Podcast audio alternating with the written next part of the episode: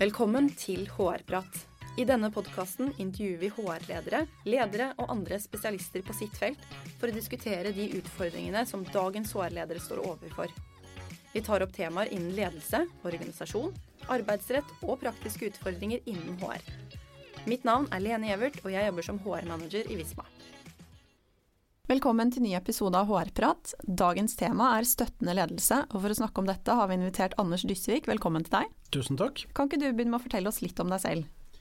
Jo, jeg kan jo begynne med det viktigste. Det er at jeg heter Anders og er eh, nybakt 47-åring. Bor i Asker og har to flotte barn der. Eh, men det er vel ikke grunnen til at jeg blir invitert hit til å fortelle om familien min. Jeg jobber også på BI som professor i organisasjon og ledelsesfag.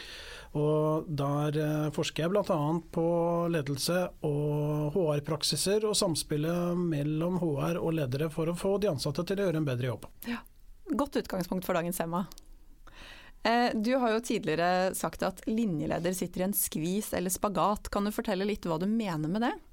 Ja, det er jo nesten litt sånn uh, håpløs rolle å skulle innta utgangspunktet da, for å motivere dere skikkelig, alle linjeledere. Er, jeg tenker jo på Bonnie Tyler med 'Holding Out for a Hero', som uh, tenker at her skal det komme en person som skal sørge for at jobbhverdagen min uh, blir så fantastisk som den skal være. Så man har ansatte som har menneskelige behov i retning av at de ønsker å bli anerkjent og sett og satt pris på og bli ivaretatt og fulgt opp.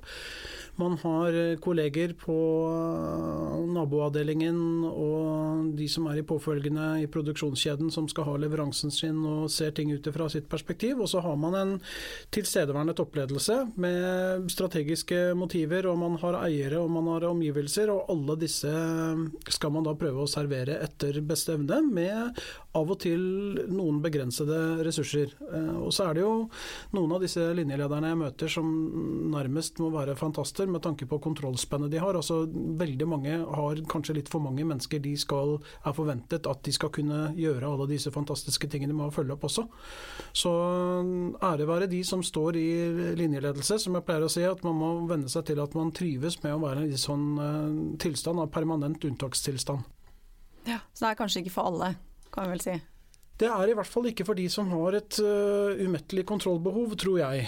tror, men uh, samtidig er det jo også mange av de linjelederne jeg snakker med som trives med det, syns jo at det er kjempespennende og gøy å komme på jobb og ikke vite helt hvordan dagen kommer til å se ut, og vite at de med noen grep kan gjøre en stor forskjell, og at de har muligheten til å jobbe med utvikling og få fram potensialet i folk. Da. Så det finnes jo de som trives i permanent unntakstilstand også. Mm.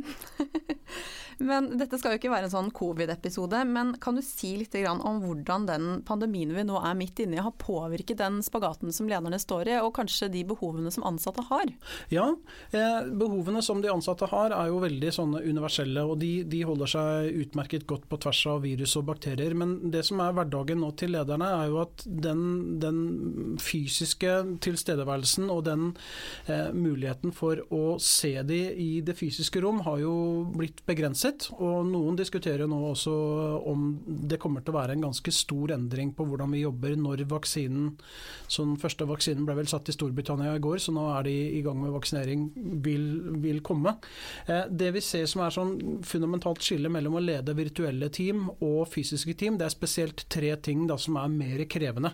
Jeg må bare si det før jeg nevner de tre tingene, at de, de samme prinsippene for god og effektiv ledelse de står seg også i det virtuelle rom. Viktig så dette med å bygge høykvalitetsrelasjon, legge til rette for endring og læring og utvikling og fokusere på at jobben blir gjort på en god måte, det, det, det, holder seg godt også digitalt. Men det er spesielt tre ting som man bør tenke på. Det første er jo dette med betydningen av å, å bygge et felles virkelighetsbilde. Den blir mer krevende digitalt, fordi en del av de sansene vi har, de på en måte frarøves litt fra oss. Man får ikke muligheten til å ta den uformelle avsjekken man hadde tidligere, før inn og ut av pauserommet, ta den kaffekoppen, etterspørre om man på en måte har fått med seg det man skal. Så vær bevisst det i digitale møter og digitale rom, at uh, la ordet gå rundt. Uh, få de ansatte til å bidra aktivt på møtet.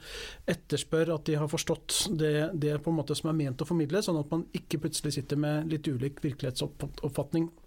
Det andre er dette med å jobbe med å bygge tillit og jobbe med å bygge relasjoner. Det kan høres banalt ut, men det blir vanskeligere når man gjør det digitalt enn når man gjør det fysisk. Fordi det er mye av den, det kroppsspråket og den rike kommunikasjonen som vi har når mennesker møtes, som vi går glipp av. Eh, så rådet da er jo rett og slett å prøve å gjøre det møtet så rikt som mulig ved at man sånn selvfølgelighet har på kamera med godt bilde. Eh, man har et møte som går i sann tid, i stedet for at man har tatt opp hva man skal si til de ansatte og så dra på hytta med god samvittighet. Eh, at man legger opp til uformelle møter også med de ansatte. Inviterer de på en kaffekopp uh, virtuelt og inviterer de på en lunsj digitalt, sånn at man får den følelsen av å være en del av det fellesskapet. Og det tredje, som ikke er nytt for oss som forsker på dette her, men, men flere av de HR-direktørene som jeg har møtt, de sier at de er så positivt overrasket over initiativet som de ansatte har tatt når de har fått muligheten til å jobbe selvstendig og godt. Og Da er svaret til dere litt overraskede venner der ute at sånn har de ansatte egentlig hatt potensial for å være hele tiden. Eh, de aller fleste av oss de opptrer veldig ansvarlig når vi blir ansvarlig gjort. Mm. Så mm, oppfordringen vår da, fra akademiet er at husk også på at de ansatte vil være i stand til å ta et sånt type ansvar også etter at vaksinen har kommet, sånn at vi ikke går tilbake igjen til overdrevne kontrollrutiner, rapportering og kanskje krav om at du fysisk må være på kontoret. Du trenger ikke å være på kontoret mandag til fredag 8 til 4. Nei, du gjør ikke det. Altså, du trenger å få gjort jobben din på en god måte. Og hvis det innebærer at du like godt kan ta en halv dag hjemme eller en dag hjemme, fordi det er jo ikke alle som er som Ulf Lundell og trives best i åpna landskap. Og når man da kan sitte i fred og ro og få konsentrert seg, så kan det være at det var den torsdagen jeg trengte. Mm. Og hvis man da mistenker at nei, i hvert fall ikke jobber hjemme på fredag eller mandag, for da drar folk bare på hytta. Det viser seg at de aller aller fleste de jobber ansvarlig også mandag og fredag. Og mm, legge til, hvis de nå har en moderne hytte, så er det fullt også mulig å ta den jobbdagen der oppe uten at det er til hinder for produktivitet. Og kanskje ikke legge så mye energi på å nekte hyttekontor fremover? Nei, jeg tror de lederne som sier at nei, hjemmekontor er ikke HJ, det er GJ. Eh, det, det har vi i hvert fall ikke støtte for empirisk litteratur. Nei. De er vel kanskje også oppdage etter hvert at eh, ansatte trives kanskje ikke helt med den type filosofi i virksomheten, og de forsvinner kanskje? De gjør nok det. Ja. Men eh, et litt sånn stort og komplekst spørsmål. hvordan kan HR bidra til at lederne lykkes i de rollene de har, med den komplekse spagaten vi startet med å diskutere her? Og Det er et stort spørsmål. Ja. Men eh, en av de tingene vi kan snakke litt om i dag, det er at må, HR må i hvert fall sørge for ikke gjøre, gjøre jobben verre for lederne. Uh, I si, min hverdag på dette så pleier jeg å snakke om romere og gallere, for å gå tilbake til Asterix. Og jeg tror av og til at linjelederne kan oppleve at de føler seg som gallerne som liksom lever i den siste gallerlandsbyen i Frankia, og håper at endelig skal det komme noen flere gallere. Men det som da kommer av nye direktiver og rutiner og måter å jobbe på, det er ofte i form av mer romere. Som da innebærer at det ikke er til hjelp. Det er mer byråkratisk, det er mer standardisert, det er mer rigid. Og det er av og til litt fjernt fra den virkeligheten de står i som daglig. Du, jobber du med en database som du åpner opp én gang i året, så er ikke det til hjelp for deg med å skulle kartlegge det du holder på med. Det vil være selvfølgelig for de som jobber med den databasen hver dag og si at hva er problemet her da, det er jo så enkelt og ja. sånne ting. Men linjelederens behov og linjelederens hverdag, der skulle jeg ønske at de de som jobber i HR, eh, kanskje i noen tilfeller i enda større grad eh, gjør det som Depeche Mode sier, altså 'let me show you the world in my eyes'. altså Hvordan ser dette ut ifra et linjeledersperspektiv? Og Da har vi jo eksempler på både HR-avdelinger og ledere generelt sett, der man pålegger Jeg tror du nevnte på vei inn her eh, Kai Henriksen fra Vinmonopolet, som da eh, i sin tid som leder der påla administrasjonen i høysesonger eh, å være ute i butikk og hjelpe til å jobbe aktivt som medarbeidere, av den grunn at de skulle forstå hvordan det var å ha skoa på. Så kanskje HR-avdelinger hadde hatt godt av å brette opp armene, som mange av de gjør, og være ute og jobbe linjemessig fra tid til annen for å se hvordan medisinen smaker når de tar den selv. Mm møte kunder og være i business-settingen som man faktisk lever av som virksomhet? Ja, både business-settingen, men også da på en måte har det kommet en rutine eller noe, et HR-tiltak som er ment til det beste og støtte for linjen, så er det mm. mulighet for da å se fungerer det faktisk i tråd med intensjonen, mm. eller er det nødvendig med tilpasninger og nyanser for at det skal gjøre linjelederne bedre. Mm. Men eh, altså eller Initiativ fra HR de bør jo være behovsstyrt, det er jo logisk nok. Men hvor flinke vil du si at HR egentlig er til det i dag? Jeg måtte liksom komme, altså Litt sånn syrlig stikk eh, aner jeg fra deg nå. Ja, nei, det er altså, kanskje ikke alle som er like flinke? Nei, jeg vil si det varierer. Ja. Eh, vi møter på en måte spekteret av de både når vi snakker med HR-ansatte og, og ikke minst når vi snakker med ledere og medarbeidere som har gleden av å, å få, prøve å implementere det til praksis. Noen er genuint fornøyd og syns at eh, de opplever det vi kaller brukervennlig HR i, i stor grad. De, det er behovsstyrt, det er toveis kobling. De får anledning også til å kanskje endre på praksis og rutiner. Og Det er også tilfeller der man legger praksiser bort fordi man ser at de er ikke evidensbasert. Det fungerer ikke i tråd med intensjonen. Dette er ikke til hjelp for oss. Og HR sier greit, da har vi kanskje ikke hensyntatt dette i stor nok grad. Da gjør vi en endring her, sånn at det skal bli bedre for deg. Mens i andre enden av skalaen så finner vi også virksomheter som sier at nei, vi har bestemt oss for at sånn skal det være. Det må være standardisert, det må være likt. fordi det å behandle likt, det, det blir det samme som å behandle rettferdig. Men da er det mange sånne lokale behov og nyanser som man av og til rett og slett går glipp av, ikke klarer å fange opp. Og da kommer romerne igjen, som vi snakket om i stad. Mm. Men hvordan skal man da vite om man faktisk er i den situasjonen hvor man eh, holdt på å si er mer til hinder enn til hjelp for lederne? Jeg tror et første steg er rett og slett å spørre lederne om hvordan de opplever eh, relasjonen til HR. Hvordan de opplever brukervennligheten på praksisene. Som går på rett og slett i hvilken grad eh, HR og HR-praksiser hjelper lederen å framstå som en bedre leder. Ta hensyn til lokale behov og ta hensyn til den enkeltes perspektiver. Hvis man ikke vet det, så er jo et første steg å spørre. Et annet ting man også kan gjøre praktisk, det er jo rett og slett å hospitere litt. Og være litt ute i linjen der ting skjer vi snakket om også tidligere i dag en, en dame som heter Teresa Welburn, som, som uh, sier at man bør ikke fra et HR-perspektiv alltid være så veldig opptatt av å være til stede i ledermøtet og sitte på en måte der hvor de strategiske beslutningene tas. Det er viktig det også, men et vel så godt tips for HR det kan være å være ute i linjen. Så Hun bruker jo bildet av linjen som jungelen, hun da. Så hun sier liksom, gir litt sånn jungelråd for hvordan hun skal kunne operere i jungelen, bl.a. med å reise lett. Ikke ta med så mye bagasje fra kontoret. Vær mer lyttende til de uh, tingene som er der ute. Ta med deg en erfaren linjeleder på reisen som kan hjelpe å navigere, at du kan få litt legitimitet.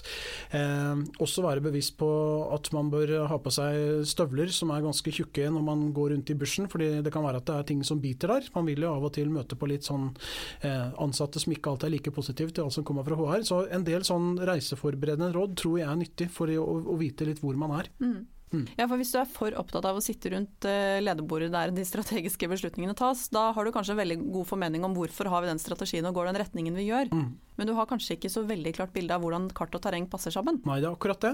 Og selskaper som er veldig gode på dette her, altså Southwest Airlines er jo et selskap vi elsker å trekke fram, fordi de er noen av de få selskapene som virkelig tar uh, eh, HR og strategiarbeidet i samspill på alvor. Og de har jo sånn prinsipp om at det er HR-strategien som legger føringer for det handlingsrommet som man har strategisk. Mm. Så dersom det er sånn at det man bestemmer seg for å innføre vil gå på tvers av både de verdiene som selskapet har, men også opplevelsen av kundetilfredshet, god levering av tjenesten ute i linjen, ja, men da velger de å ikke gjøre det. Så Et eksempel på det var når de valgte å gå over til elektronisk eh, booking av billetter, som var et veldig stort steg. Da var det mange mange, mange runder med kulturkomité, med brukere, med ledere, med ansatte, for at den endringen skulle være på en sånn måte at de ivaretok det gode kundemøtet som man tidligere hadde hatt fysisk. Ja.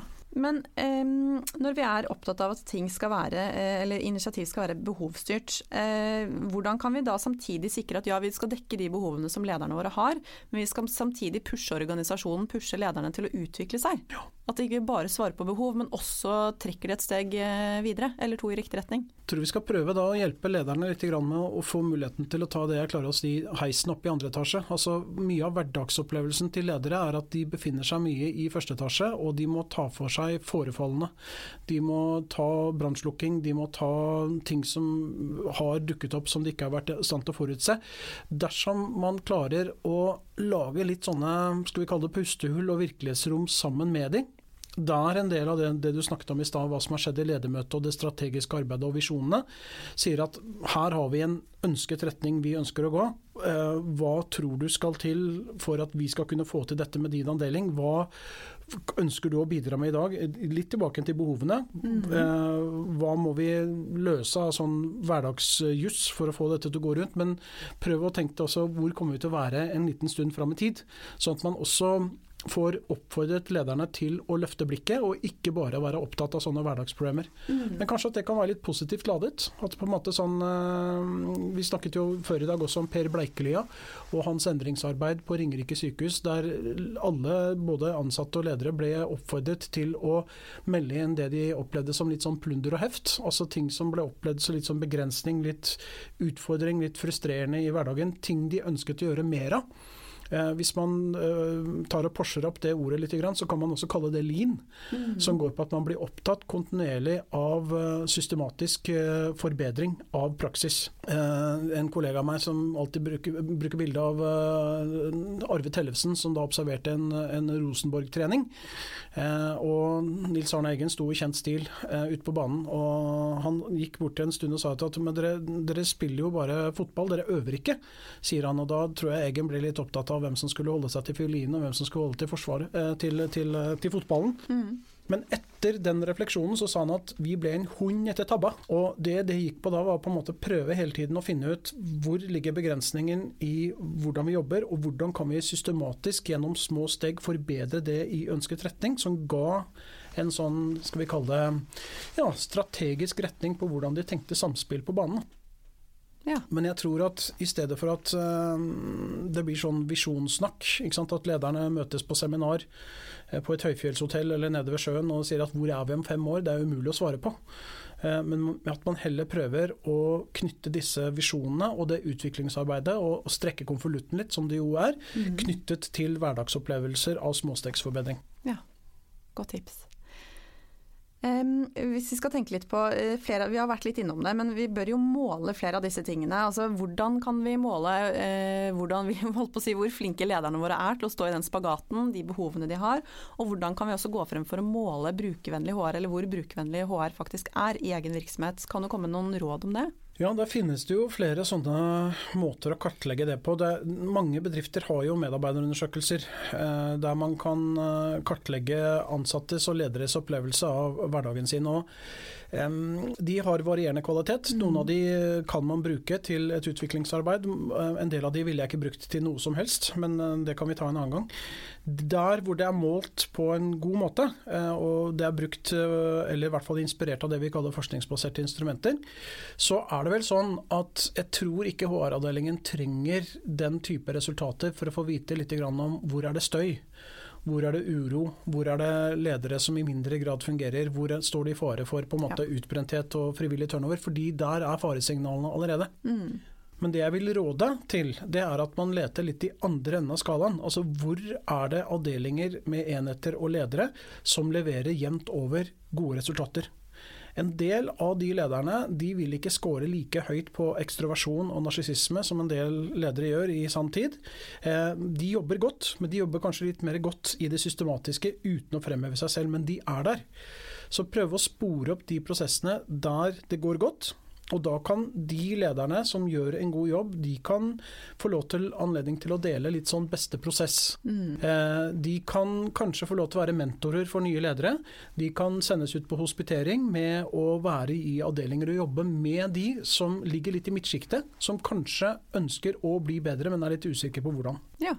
Og Når det gjelder brukervennlig HR generelt, eh, spesielt, så har jo vi et forskningsbasert instrument som alle som jobber med HR kan bruke gratis, så lenge man da ikke oppretter egen konsulentpraksis og skal bli HR-forbedrerne. Da er det lisensbasert.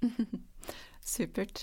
Før vi runder av, eh, hvis du skal komme med tre råd ut fra alle de tingene vi har snakket om her nå, hvilke tre råd vil du gi til de HR-lederne som hører på, for å lykkes med de utfordringene som vi nå er inne på? Hvor skal man starte, hvordan skal man gå frem? Jeg tror det første og det mest åpenbare er jo i større grad eh, tenk på behovet som er i linjen, fremfor hva som er tilgjengelig av praksiser. Er det lenge siden du har vært ute i linjen og sjekka pulsen, kom deg ut en tur, eh, finn ut litt hvordan det står til der ute. Er det en rutine du har innført som du er usikker på, sjekk ut med lederne litt hvordan den oppleves i praksis, kanskje prøve å gjennomføre den selv. Mm. Eh, det andre er jo å gå kritisk gjennom hva man gjør på HR-siden i dag. Eh, er det ting man gjør som fungerer i tråd med intensjonen slik man ser det? Strålende viderefør det. Eh, hvis det er ting som man ser at dette må vi ha, men det fungerer ikke så godt, da prøver man å gjøre tilpasninger. Og er det ting man rett og slett ser som sier at egentlig trenger vi ikke dette her, og det ser ikke ut til å fungere spesielt godt heller, så kan man rett og slett vurdere å fjerne det. Mm. Og Det tredje er jo dette med ja, hva er det vi har snakket om, litt sånn rotasjon mellom eh, linjen og HR. Det må jo være oppfordringen, litt sånn juleønske her. Har du vært i HR lenge, eh, og du kjenner at nå er det på tide å, å, komme litt ut og jobbe litt praktisk, så kom deg litt ut i linjen, og ikke jobb i stab. Og at man kanskje også vurderer nøye de man skal ta inn i HR at de har en viss grad av linjeerfaring, sånn at de forstår hvor de kommer fra og hvem de er til for. Mm. Stab fungerer egentlig ikke så bra når stab begynner å bli til for seg selv. Stab skal i første rekke sørge for at førstelinjen får et godt møte med bruker av den tjenesten eller produktet som organisasjonen tilbyr. Tusen takk for gode råd, og tusen takk for at du kom. Takk for at jeg fikk komme. Og så må vi nevne at vi har jo ved et par anledninger nå nevnt at vi har snakket om et par temaer tidligere i dag. Så til de som er nysgjerrig på hvor er det vi har gjort dette, så har det vært på et webinar som ligger på visma.no. Hvis du søker på Fremtidens HR, da kan du se foredraget med Anders Dysvik. Og til deg som hører på, vi prates. Hvis du har temaer eller spørsmål du ønsker vi skal diskutere, send oss gjerne en mail på hrprat.visma.com. Og for flere episoder, sjekk ut visma.no slash podkast slash hårprat.